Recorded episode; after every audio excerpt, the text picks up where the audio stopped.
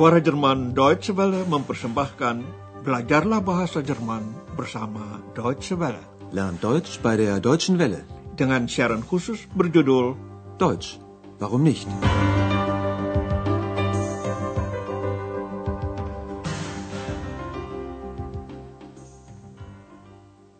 Saudara pendengar, hari ini dapat Anda ikuti pelajaran ke-17 dari seri ketiga.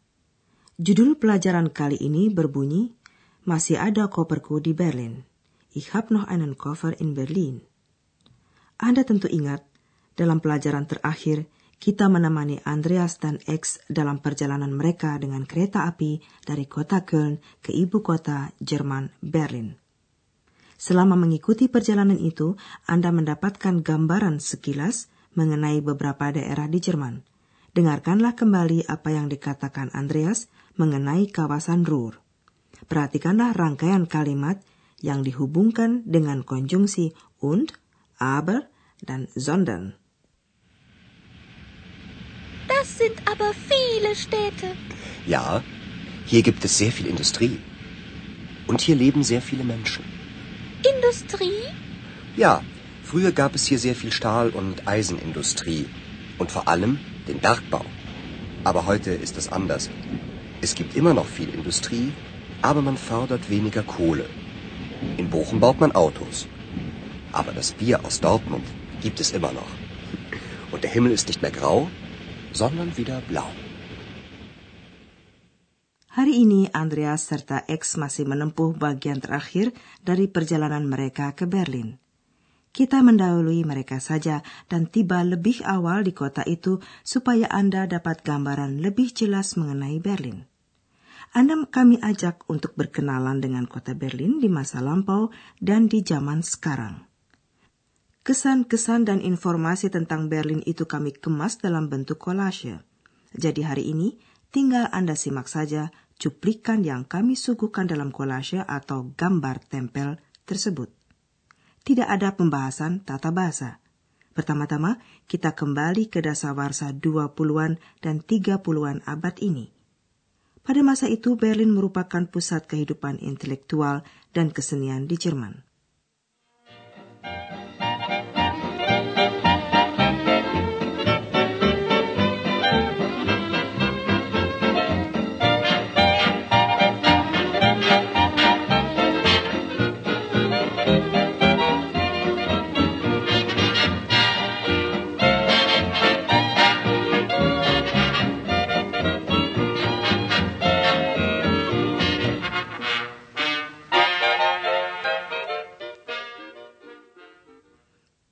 Waktu itu banyak cendekiawan dan seniman memilih kota Berlin sebagai tempat tinggal dan berkarya.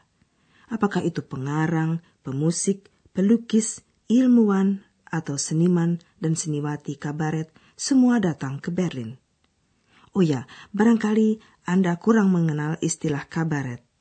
Maklum sekarang di zaman televisi dan video, jenis hiburan ini tidak begitu populer lagi.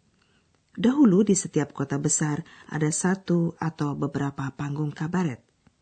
Teater kecil itu menyajikan teks dan dialog singkat, lagu-lagu serta pantomim yang semuanya bersifat sastra kontemporer bernada humor atau satire dan mengeritik aliran yang trendy pada zamannya. Kita kembali ke Berlin, kota yang sejak tahun 1871 menjadi ibu kota negara Jerman. Di tahun-tahun 20-an dan 30-an abad ini, Berlin begitu termasyur namanya sampai udaranya, Luft pun dijadikan tema lagu. Inilah lagunya. Luft.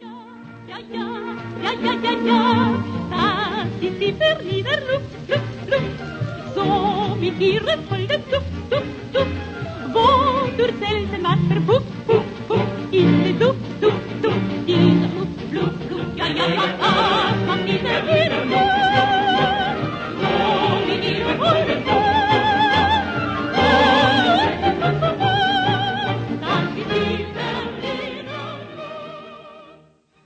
Udara Berlin, dengan mulai berkuasanya kaum Nazi pada pertengahan tahun 30-an, udara di ibu kota itu menjadi semakin menyesakkan bagi para seniman itu dan tidak hanya bagi mereka. Di atas panggung kabaret di Katakombe pada waktu itu tampil seniman yang mengeritik rezim Nazi atau yang teksnya dinilai oleh pihak penguasa dapat mengganggu kestabilan. Salah satu kelompok seniman yang sangat tenar pada waktu itu dan yang masih terkenal lagunya sampai sekarang adalah grup vokal komedian harmonis dengan warna nada mereka yang khas. Dengarkanlah cuplikan dari lagu mereka tentang pot kaktus kecil, Mein kleiner grüner Kaktus. Blumen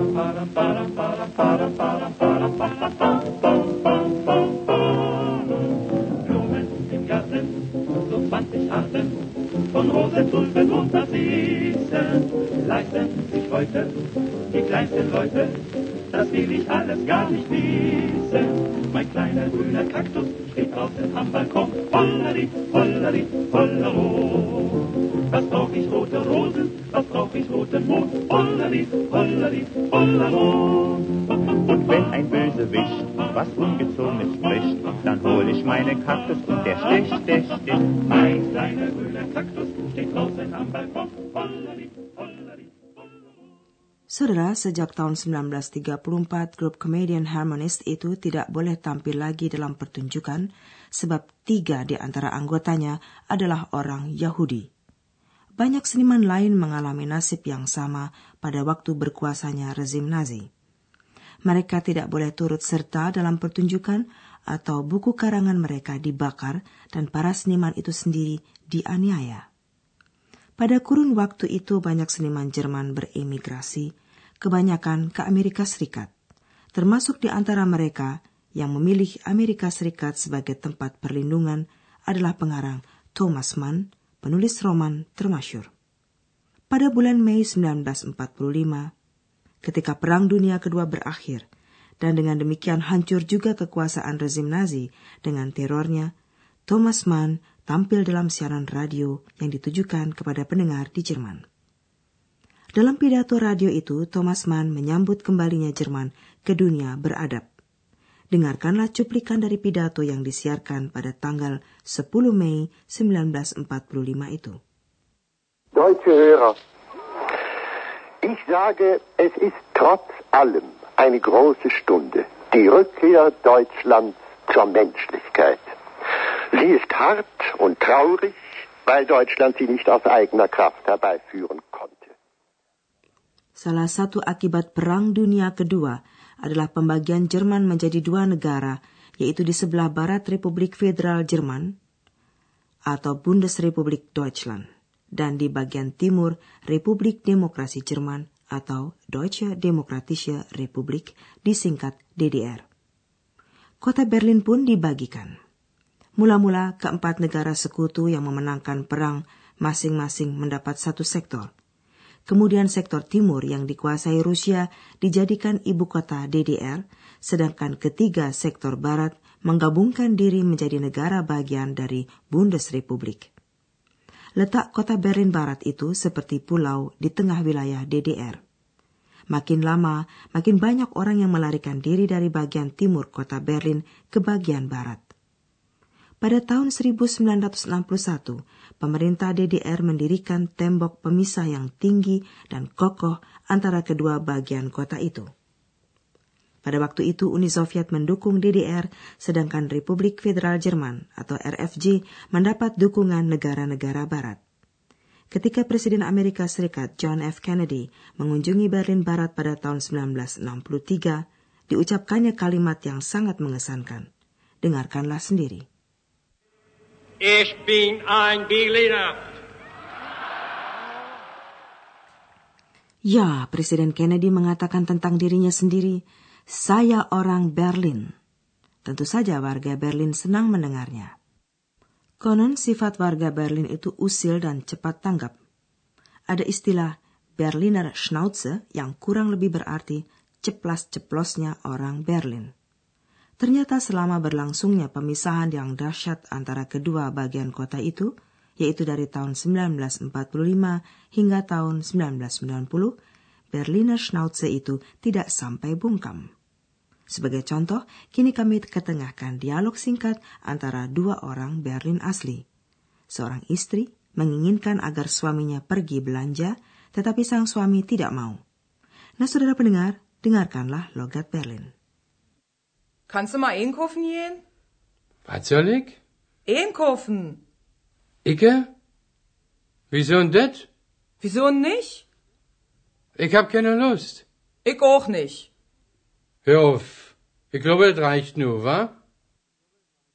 Sampai sekarang tidak hanya ada logat khas orang Berlin, masih terpelihara pula ciri Berlin sebagai kota internasional dan multikultural. Sudah menjadi tradisi di Berlin menampung orang asing dari berbagai bangsa dan memberi tempat bagi penganut agama-agama yang berbeda. Sejak dahulu di antara warga kota ada orang Polandia, Belanda, Italia, orang beragama Protestan asal Prancis, orang Yahudi, dan pada zaman sekarang kontingen orang asing terbesar berasal dari... Eh, sebaiknya Anda mendengar sendiri percakapan mereka. Siapa tahu bahasanya tidak asing bagi Anda. Merhaba. Merhaba, buyurun. Bir döner verir misiniz? Buyurun, afiyet olsun. Sağ olun, hayırlı işler. Eh, sulit ya? Nah, itu tadi bahasa Turki. Pada waktu ini banyak penduduk kota Berlin berasal dari Turki. Mereka dulu datang untuk bekerja di Berlin Barat dan kemudian kembali ke tanah air. Begitu rencananya, tetapi banyak di antara mereka yang tetap tinggal di Berlin, anak-anak mereka lahir dan besar di kota itu. Ini generasi warga baru. Warga lama pun yang pernah beremigrasi tidak melepaskan ikatan dengan kota kelahiran mereka. Di antara emigran itu ada Marlene Dietrich, aktris dan biduanita terkenal yang terpaksa meninggalkan Jerman pada tahun 1936 untuk menghindar dari penguasa Nazi. Setelah Perang Dunia Kedua usai, Marlene Dietrich menuangkan rasa rindunya kepada kota Berlin dalam lagu berikut ini.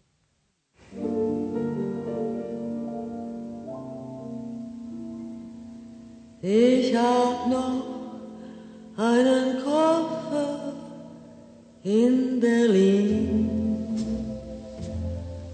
Deswegen muss ich nächstens wieder hin. Die Seligkeiten vergangener Zeiten sind alle noch in meinem kleinen Koffer drin.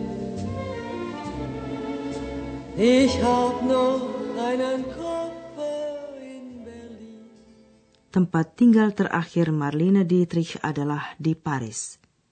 Ketika pada tahun 1990 di ibu kota Prancis itu didengarnya kabar mengenai penyatuan kembali Jerman, Marlene Dietrich mengungkapkan keinginan agar pada saatnya kelak jenazahnya dimakamkan di Berlin. Marlene Dietrich meninggal dunia pada tahun 1992 di Paris dan kemudian dimakamkan di kota kelahirannya, Berlin. Denn wenn ich Sehnsucht hab, dann fahr ich wieder hin.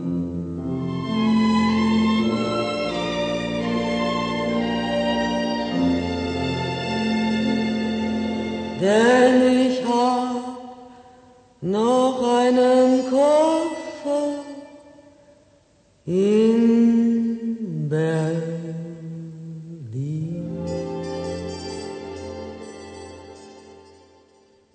Koper Anda ketinggalan di mana, saudara pendengar? Kalau bukan di Berlin, ya tak apalah. Paling sedikit dalam khayalan dapat Anda ikut keliling di dalam kota yang bertautan dengan sejarah Jerman di abad kita ini.